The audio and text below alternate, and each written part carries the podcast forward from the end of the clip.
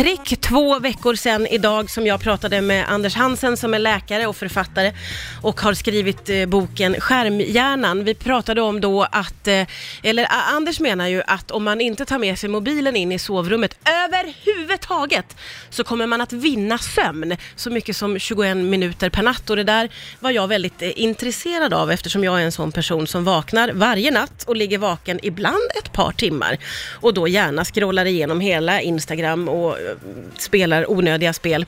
Då fick jag och även du som lyssnar en utmaning att eh, hålla upp med mobilen eh, i två veckors tid, inte ta med den in i sovrummet alls. Nu har jag med mig Anders Hansen på telefon här för att vi ska gå igenom hur det har gått.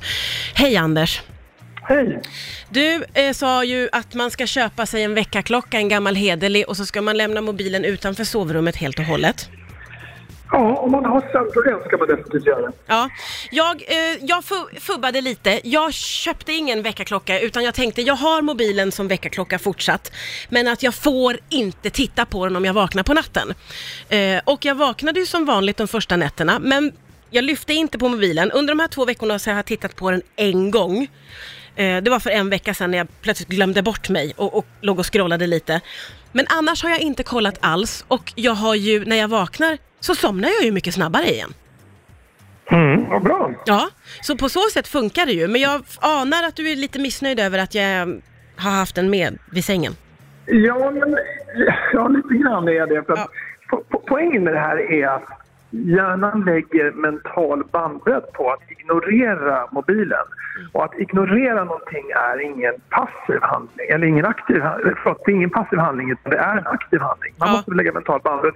Och bara att man då har mobilen liggande på nattduksbordet måste göra att hjärnan måste ignorera. Du ska inte plocka upp den, du ska Nej. inte plocka upp den. Och för en del så går det här alldeles utmärkt. Men Ja. för en del gör inte det. Och i genomsnitt så har man kunnat visa att man verkar sova någonstans kring 20 minuter kortare eh, om man har mobilen i sovrummet. Och, och det är snittet. För vissa blir det, spelar det här ingen roll och för andra sover en timme kortare. Mm. Och därför så säger jag alltid till patienter med sömnsvårigheter att skaffa en väckarklocka Ja. och lämna mobilen. Det är det första du ska prova. Ja, jag fattar det för att när den ligger där bredvid och man, man har vänt ner den så man inte ska se skärmen så är man, alltså den finns ju i ens medvetande.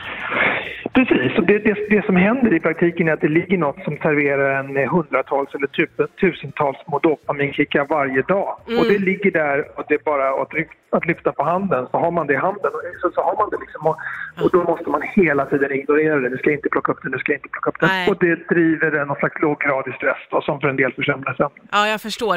Eh, jag känner ändå, jag känner mig glad att jag hoppade på din utmaning för att jag eh, vaknar ju fortfarande som sagt var, men somnar om väldigt snabbt igen nu när jag struntar i mobilen. Så det har ändå gett mig eh, väldigt mycket måste jag säga. Men jag Ja, förstår ju bra. att jag ska eh, helt och hållet lämna mobilen utanför och köpa mig en sån där gammal väckarklocka naturligtvis.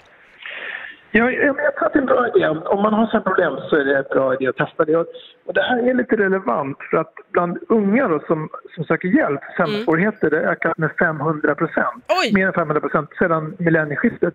Och, och det är nog ingen vild gissning då att mobilen har haft ett finger med i spelet. Och jag har liksom hur mycket patienter som helst som kommer och vill ha sömntabletter, framförallt unga. Mm. Och då är det viktigt att, och liksom att börja med att plocka bort mobilen och inte tänka att allt ska lösas med en tablett tror jag. Nej, just det. Nej. Nej, väldigt lärorikt. Tusen, tusen tack för att du gav mig utmaningen och för att du var med igen. Eh, Anders Hansen är läkare och författare till boken Skärmhjärnan. Tack snälla för att du var med igen på Rix FM, Anders.